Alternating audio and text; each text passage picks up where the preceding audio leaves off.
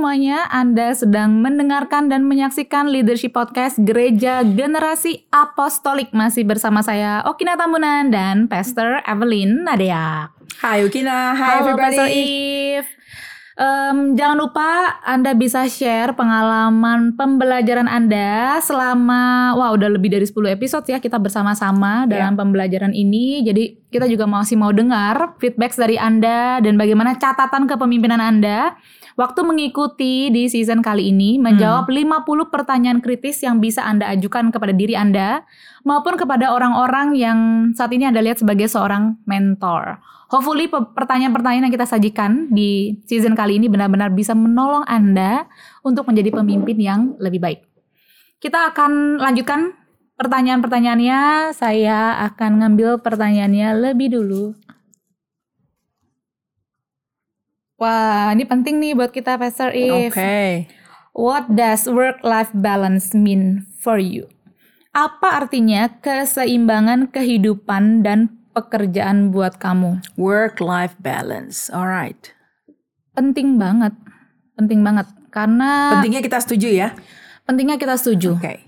Em, Memang untuk perlu ada keseimbangan. keseimbangan karena in working dalam bekerja kayaknya kita tendensinya lebih banyak memberi, mengeluarkan apa yang kita punya, menghasilkan karya, produktif, em, ya menghasilkan sesuatu lah. Hmm. Jadi lebih keluar.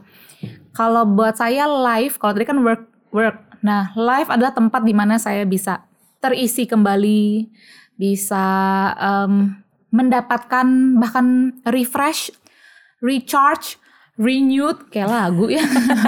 Ya, mendapatkan hal itu semua itu dari kehidupan. Ya. Jadi sangat penting dan perlu seimbang dalam jadwal-jadwal kehidupan kita. Cuman memang mungkin akan cukup challenging bagi seorang gembala ya Pastor. Gimana nih? Cuma saya kita juga pengen denger ya bagaimana Pastor Eve bisa maintain balance, bisa balancing antara working and your personal life. Ya, yang pasti eh, setuju saya setuju. Number two, eh, kita saya mengikuti ritme ya. Jadi ritme yang Tuhan sudah tetapkan sebelum kita jatuh dalam dosa perlu ada sabat. Iya, Sabat Hari itu untuk beristirahat. harus ya. Jadi artinya kalau sang pencipta menetapkan sabat itu berarti dia tahu manufacturer menetapkan pabrikannya kita nih ya, manufacturer, kreator kita berkata harus ada sabat. Ya, itu sebelum kita jatuh dalam dosa, artinya sebelum rusak nih dalam functionnya yang tidak bercela itu sudah ditetapkan bahwa perlu ada satu hari sabat. Nah, jadi bodoh sekali saya ini kalau saya melanggar aturan dari manufacturer itu. Hmm. Jadi itu menjadi standard operational procedure. Jadi dalam manual book kita di buku Yes. kejadian pasal pertama itu udah ditulis bahwa caranya kamu untuk bisa be a human ya memang perlu ada ya. You wanna function Mm-mm. At your best capacity? Function at your best ya. Ya, function at your best menjadi dirimu Yang sejati. yang Hmm. seindah-indahnya. Ya. Sabbatical, hari Sabat is non-negotiable. Hmm. Jadi itu ada di dalam aturan eh, ritme organisasi kita, tidak hanya secara pribadi. Hmm. Apa yang memang harus istirahat ya istirahat, Mm-mm. gitu ya. Nah, sebagai gembala, sebagai gereja, saya mengatur ritmenya. Mm-mm. Ya, jadi eh, kita bisa berganti-ganti nih. Mm-mm. Siapa yang pasti penggembalaan tetap bisa di, ditangani dengan baik. Ada pastoral care. There's always somebody available. Hmm. Jadi kita mengatur kalender itu kan bisa diatur as long as kita ikut ritme yang Tuhan tetapkan. Ya, Makanya bisa ada work and life balance. ya. Ya. Jadi ini kita sangat-sangat em, menjunjung tinggi work life balance sekalipun dengan banyaknya tanggung jawab dan begitu riskinya pekerjaan yang kita lakukan dan emban saat ini tetap Ya. harus ada hari sabat untuk off. Pertanyaan buat Anda, apakah Anda sudah memiliki hari sabat Anda? Wah, kalau belum, baiknya Anda perlu punya dan masukkan dalam jadwal hidup Anda. The non-negotiable. Non-negotiable. Jadi istirahat adalah non-negotiable Ya. gitu ya. bangsa Israel juga disampaikan ya, ingatlah dan kuduskanlah hari sabat. Jadi Ya. ini adalah perintah Tuhan dan kita perlu sama-sama melakukannya. Oke, Pastor, silakan. Saya ya, oke. Let me take one. So we don't kita belum rehearse kan pertanyaan-pertanyaan. Jadi Oh enggak, eh, enggak. ini question semua is natural. Jadi Pastor If bisa kaget-kaget juga kalau saya berceloteh apa ya. Dan kita bagusnya sudah udah apa doing life together. Jadi tahu lah kita caranya.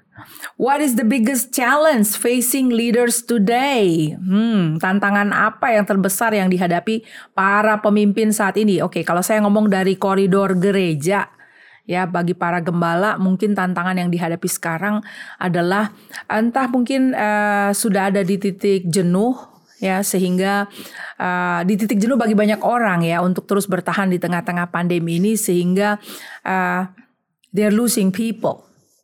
Hmm, gimana tuh maksudnya Pastor? eh kita kan sekarang sampai sekarang aja masih banyak yang online Hmm, masih. ya dan di dalam eh, kondisi online ini I mean available semua resources yang dibutuhkan juga ada di online gitu ya jadi artinya bagi pemimpin gereja mereka eh, harus betul-betul bisa mengembangkan dirinya to I, I don't wanna I mean to be better communicator gitu ya Ya. Se- because people can just easily quit on you now gitu. Jadi ini menjadi tantangan bagi eh, bagi gereja-gereja.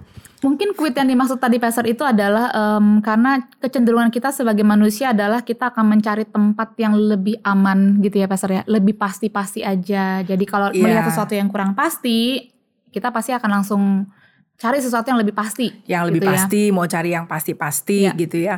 Lalu eh, umumnya kan orang tuh consumer. Hmm. Jadi I mean we wanna just find foods of our liking ya makanan yang cocok seleranya dengan kita. Nah jadi dan sekarang ada easy access karena masih online aja kita nggak perlu traveling nggak perlu berkendara gitu ya untuk tiba di satu tem- lokasi fisik gitu. Just satu kali klik klik klik klik Iya, ya. iya. You just get it gitu Iya. kan. Nah kemudian rasanya bisa enak makan satu tempat ya bisa ke sana aja jangan nggak ke sini lagi gitu. Jadi ya saya juga berempati sih dengan uh, banyak gembala yang saat ini harus uh, saya- dalam tanda kutip ya jungkir balik ya coping with this reality ya saya uh, turut berempati dan kita ada di dalam perjalanan itu bersama-sama. Ya. Uh, the fact kita bisa create konten ini pun kan karena melalui begitu banyak pertimbangan ya untuk bisa terus berkomitmen meng- menghadirkan pembelajaran sekalipun tidak bertemu secara fisik. Jadi saya lihat itu menjadi tantangan saat ini. Jadi tantangan terbesar di dengan konteks dengan setting di tengah masa krisis pandemi ini adalah bisa dikatakan juga adalah pemahaman digital ya Pastor. Mm-mm. Karena memang nggak semua juga sudah mempersiapkan dirinya dengan pengetahuan, secara skills, juga keahlian digital. Dan jadi memang masa-masa awal agak sulit beradaptasi. Dan banyak juga sekarang perusahaan-perusahaan em, yang akhirnya juga kolaps karena Ya, sudah tidak relevan dengan hal-hal yang berbau digital. right. Cuman kita juga bisa suggest karena ini pun juga yang kita sebelum pandemi lah kita juga sangat juga menjunjung tinggi kolaborasi. Artinya jika ada resource yang kita nggak punya, kita bisa collab Hmm. dengan partner atau eh, orang-orang yang kita lihat mereka punya. Itulah kenapa GG juga membuka diri ya Pastor untuk kita Ya. juga bisa memberikan resources, sumber-sumber pembelajaran bagi rekan-rekan hamba Tuhan atau gereja-gereja yang mungkin saat ini secara infrastruktur belum memadai dalam mengakomodasi secara digital Yes. atau online. Yes. Kita juga mempersiapkan dan memberikan juga pengetahuan em, apa yang menjadi apa yang sunset, apa yang sunrise bisnis gitu. Jadi perlu ada pengetahuan baru supaya orang juga lebih terbuka wawasannya dan siap untuk beradaptasi Right. Ya. challenging sekali memang di masa pandemi ini. Tapi bagi Anda yang sudah punya kemampuan media atau kemampuan digital, kemampuan online, berbagilah ke gereja lokal Anda. Mungkin untuk saat ini Anda dibutuhkan dengan keahlian Anda. Uh, betul banget Ya, nih. anak-anak muda, generasi Right, muda. right. Offer your hand of help Betul. kepada senior leadership di gereja Anda. Ya, the fact that Anda yang menyaksikan ini gitu ya, coba cek uh, how about your leaders? Do they need some help? Gitu. Jadi uh, saya mendorong Anda untuk bisa berdiri bagi mereka. Agree.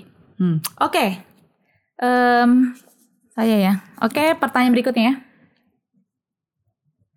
Apa atribut paling penting dari pemimpin sukses saat ini? Wah, beberapa waktu lalu, beberapa episode lalu kita udah bahas ya. atribut penting paling penting dari pemimpin sukses saat ini adalah buat saya the willingness to learn, keinginan untuk mau selalu belajar. Sudah pasti seorang pembaca juga, seseorang yang relevan untuk bisa mengikuti perkembangan zaman dan perubahan zaman. Em, apalagi Pastor, atribut paling penting dari pemimpin sukses yang kita consider sebagai pemimpin sukses. Ya mereka punya grit ya. Mereka punya grit. Nah, boleh tuh Pastor share apa itu grit? G R I T ya, bukan G R I D. grit. Em, grit itu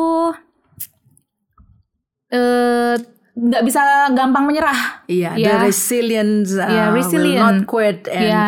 tidak mudah menyerah gitu ya Hmm. untuk untuk terus tabah. Tabah. The whole I think the whole composition ya Iya. untuk untuk menggambarkan grit ini nggak gampang menyerah gitu loh. Jadi memang itulah yang kemudian akan dihasilkan oleh pandemi ya. Nah kalau kita menginterview pemimpin-pemimpin sukses, nggak ada tuh yang melewati bu, uh, kebun bunga mawar. Nggak. Mereka melewati begitu banyak lika-liku and the fact that they still keep pushing on gitu kan. Iya, iya. Dan uh, akhirnya they get they get there gitu. Mereka sampai di those heights ketinggian-ketinggian itu. Jadi nggak ada yang simsalabim dan langsung langsung berhasil tuh nggak ada. Jadi either you just wanna be a leader yang yang apa eh, semalam langsung naik ke atas nanti jadi kayak bintang jatuh bisa jatuh langsung. Jadi semua pemimpin sukses grafiknya selalu naik turun naik turun naik turun ya. Tapi faktanya mereka sukses adalah karena dalam grafik naik turun naik turun itu mereka cenderung memang naik karena selalu bertumbuh dan punya grit tadi itu. Em, ya, Anda bisa kembangkan kemampuan untuk terus tetap tabah dan tetap berusaha dan tetap mau belajar dan banyak pemimpin sukses yang juga kita bisa pelajari ya Iya. hari ini, especially Anda juga generasi muda atau yang di generasi saya, generasi milenial untuk tetap terus belajar buka diri untuk em, belajar dari orang-orang yang lebih senior karena Right. mereka lah sebenarnya yang sudah makan banyak asam garam makanya darah tinggi ya asam garam Kalau generasi mau makan apa? micin generasi micin curah Aduh. katanya. Jadi kita belajar sebanyak mungkin dari pemimpin-pemimpin sukses. Pastikan Anda juga punya circle em, di mana ada orang-orang sukses yang Anda bisa belajar dari mereka. Hmm. Oke, Pastor silakan. My question, Iya. uh, my share of question. Let's Anda bisa tulis ya apalagi eh, atribut paling penting dari pemimpin sukses saat ini. Supaya kita bisa sama-sama Wow, belajar. other than your title, why should anyone be led by you? Menurut Pastor. Other than my title, I think why would people, why should anyone, why would, why would you be led by me gitu kan? well, because uh, I will make sure you become you. Hmm. You will not become somebody else. Hmm. and I will be a guardian of of the destiny that God gave you. Hmm. Ya, jadi yang itu uh, dengan integritas uh, saya ingin hidupi bahwa saya akan menjadi cheerleader dan menjadi guardian dari uh, purpose of God yang ada dalam diri orang-orang yang saya pimpin. So, Wow, langsung tajam. Hmm. Gimana? Anda mau dipimpin oleh Pastor Eve? Bisa loh. You become you gitu. Tapi itu wah penemuan panjang untuk sampai Pastor Eve bisa sampai ke that conviction ya yes. untuk hal seperti itu. Beberapa waktu lalu juga Pastor Eve ada share tuh di podcast bahwa Pastor itu naturally memang eh, di zaman dulu sekolah tuh jadi ketua kelas gitu ya Pastor ya Iya. mimpin apa. Saya sekolah itu seingat saya belum pernah ditunjuk sebagai ketua kelas. Oh, belum gitu. pernah. Hmm. Paling banter saya tuh jadi sekretaris karena mungkin tulisan saya bagus kan ada ya anak-anak dulu SD gurunya nggak datang apa gimana jadi butuh yang jadi sekretaris mereka yang menulis di papan tulis menggantikan Oh, yang, guru yang tulisannya lurus. pakai kapur. Zaman lagi. saya SD masih pakai kapur itu. Tapi herannya memang sekalipun saya tidak maksudnya dan memang waktu itu juga nggak tertarik di di posisi-posisi kepemimpinan kalau di kelas Eh, entah kenapa memang orang mau ngegeng gitu sama saya. entah apa yang saya punya juga ya. Jadi ngumpul gitu bareng ngekor ke mana saya pergi ke kantin ke mana ngekor aja pokoknya ada orang gitu di belakang. Bagi anda yang mendengar video ini mungkin teman sekolah saya boleh juga eh, eh, kirim salam buat saya ya. Jadi em, ternyata em, certain personality memang bawa bawa apa ya? Efek itu ya pasar ya? Untuk orang Aura. tuh iya aura aura. Untuk orang tuh memang mau ngikut. Kayaknya kalau di belakang kamu atau bersama kamu aku aman. Oh, gitu. Iya, iya, di iya. bayang-bayang kamu tuh aku aman. Entah jadi tambah pinter ya. Dan saya dulu paling anti kasih contekan juga. Kalau mau pinter ya belajar. Jadi saya juga sekalipun diikuti saya juga nggak mau orang jadi gampang gitu. Eh, dan mendapatkan benefit dari saya juga saya nggak mau diperalat gitu. Tapi memang jadinya berasa seperti itu. Artinya saya bukan ketua kelas, saya bukan wakil ketua kelas, tapi memang ada yang ngikut. Saya juga dulu mikir kenapa ya. Dan setelah saya ingat-ingat ternyata saya memang em, mungkin secara natural bisa bikin orang itu nyaman dan tertantang at the same time. Cie. Iya, artinya eh, mungkin orang bisa nyaman juga cerita gitu sama saya, masalah-masalah remaja, masalah-masalah anak-anak dan em, saya juga nggak tahu apa dari pribadi saya yang akhirnya orang mau nyaman dan ngikut, apa karena ide-ide atau dan lain-lain. Tapi mungkin karena ada kebanyakan memang orang akan ikut karena mendapatkan sense of security Iya. karena mengikuti seseorang. Entah kenapa kalau aku ngikut dia, aku jadi jelas, aku Hmm. jadi lebih baik, aku jadi lebih pandai, aku jadi lebih pintar. Hmm. Di luar dari title yang disematkan oleh orang itu. Mungkin itu kali ya yang nggak tahu bagaimana dengan Anda. Kenapa orang ngikutin Anda sekalipun tadi apa pertanyaannya?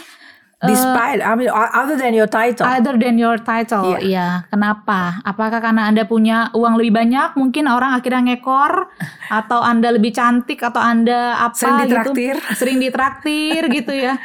Tapi kayaknya bisa juga kali ya. Dulu saya diikutin karena mungkin menjadi em, juara kelas. Bisa juga ya Peser ya. Iya. Wah ini nih nih nih kayak enak pintar nih. Bisa, pinjem nih. PR-nya. Bisa pinjem PR-nya. Iya, pinjem catatannya. Iya, atau nebeng ketenaran. Iya. Ada nggak Peser yang ngikut Peser karena nebeng ketenaran? Ada Apa istilahnya? panjat, Panjat. pansos. ngetekin Pastor If kayak, Ngetek. kayak teman dekat. kapan, kapan kita ketemunya ya? ada yang kayak gitu ya. Kalau dulu zaman sekolah ada orang berteman karena tulisan saya rapi jadi catatannya bisa di copy. Oh, saya paling gak suka tuh Pastor kalau diminta catatan. Hmm. Karena menurut saya kamu gak akan belajar dari catatanku. Itu kan catatan aku. Bagaimana kamu mau bisa belajar dari catatan seseorang? Iya, Pastor ya, kadang-kadang agak membingungkan gitu. Ini bagi yang suka pinjam catatan-catatan ya. Jangan pinjam catatannya. Dengar pembelajaran dari orang itu. Iya, Ya. do not copy the notes. Iya, but, nggak uh, bisa. Learn for Tiru yourself. cara Iya, berpikirnya, tiru cara bergaul berpikir. sama orangnya. Right. Oke, right. last question. Wow. Oke, bagaimana kamu memastikan tim tetap termotivasi terlepas dari konflik dan tantangan yang terjadi?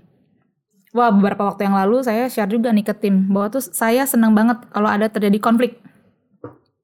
Ya, konflik antara beberapa orang dan saya juga suka menengahi apabila terjadi em, konflik.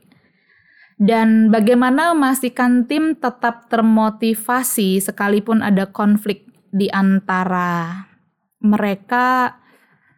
Em, ya bagian saya adalah mengingatkan kembali kenapa kita bersama-sama dari awal, Hmm.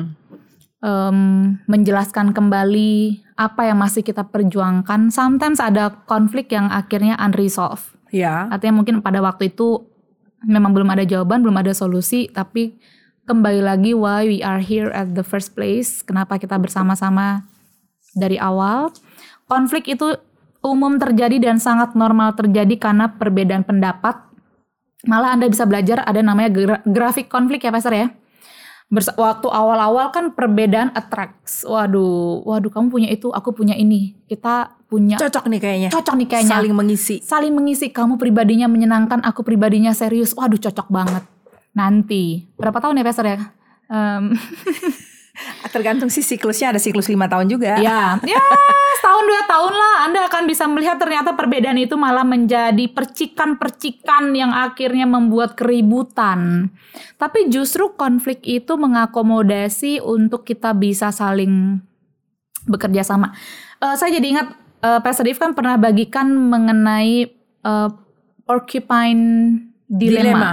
Hmm. Uh, dan memang kita semua adalah landak. I want to be close, but I don't I don't want to get hurt. Nah, bahwa kita semua adalah yeah. landak uh -uh. itu bener lah. Mau tipenya Anda paling pendiam sekalipun, Anda juga adalah landak dan bulunya juga tajam. Cuma kan beda. Personality itu menunjukkan ketajaman-ketajaman duri itu dengan cara yang berbeda. Iya. Nah, saya suatu hari juga jadinya belajar.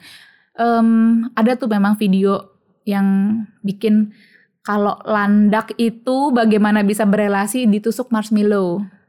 Jadi nggak kena tajamnya Jadi ya. nggak kena tajamnya. Uh -huh. Terus saya berpikir juga, hmm, ya satu hal juga bagus ada marshmallow. Jadinya kita nggak menusuk menusuk ketajamannya. Gimana caranya eh, dua landak bisa berjalan berdansa bersama. dan berjalan bersama.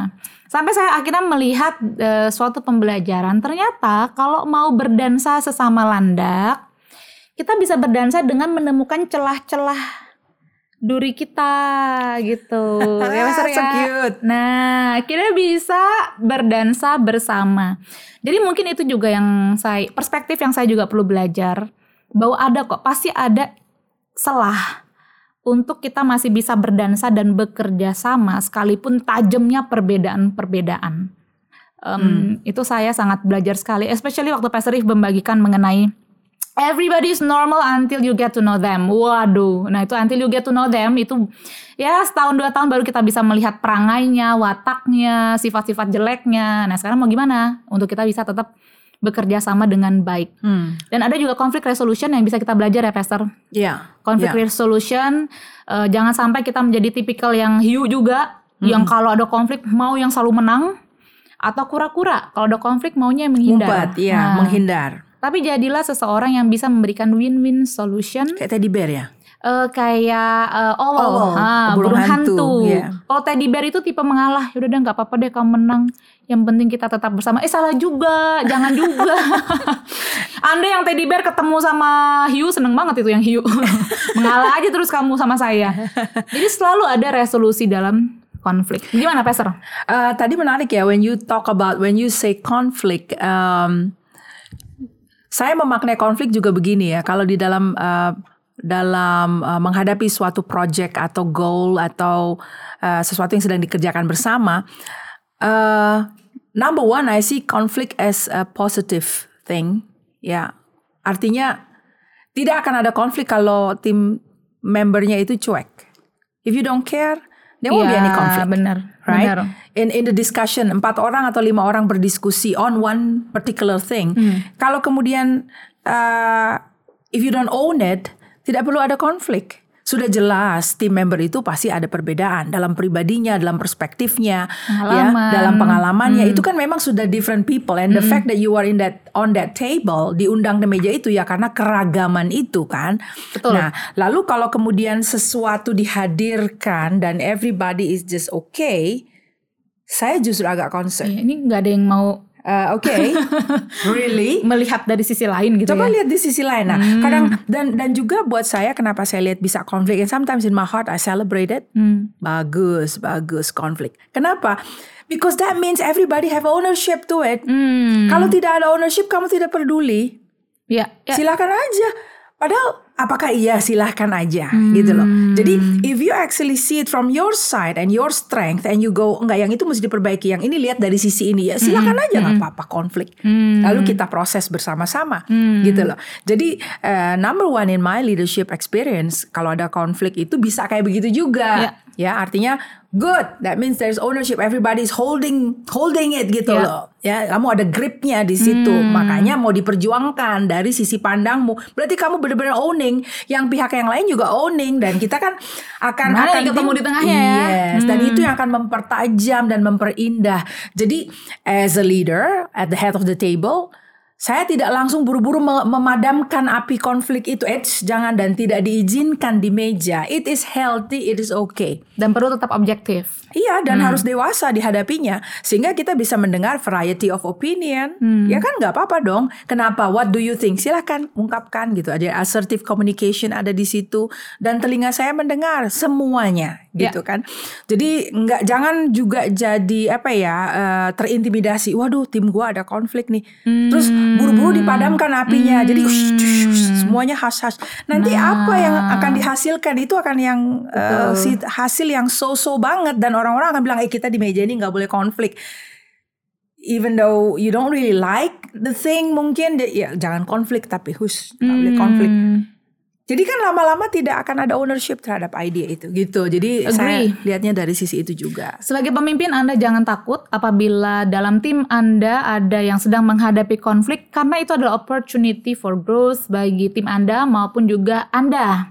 Namun yang diperlukan adalah keahlian dalam menyelesaikan konflik ya, Pastor Ya, ya. Yang pasti yang, ya, ya. yang pasti yang pertama tadi adalah begitu ada perbedaan pendapat atau ada konflik, oh udah pasti berarti masing-masing pihak sudah ada sense of belonging. Anda bisa rayakan hal itu.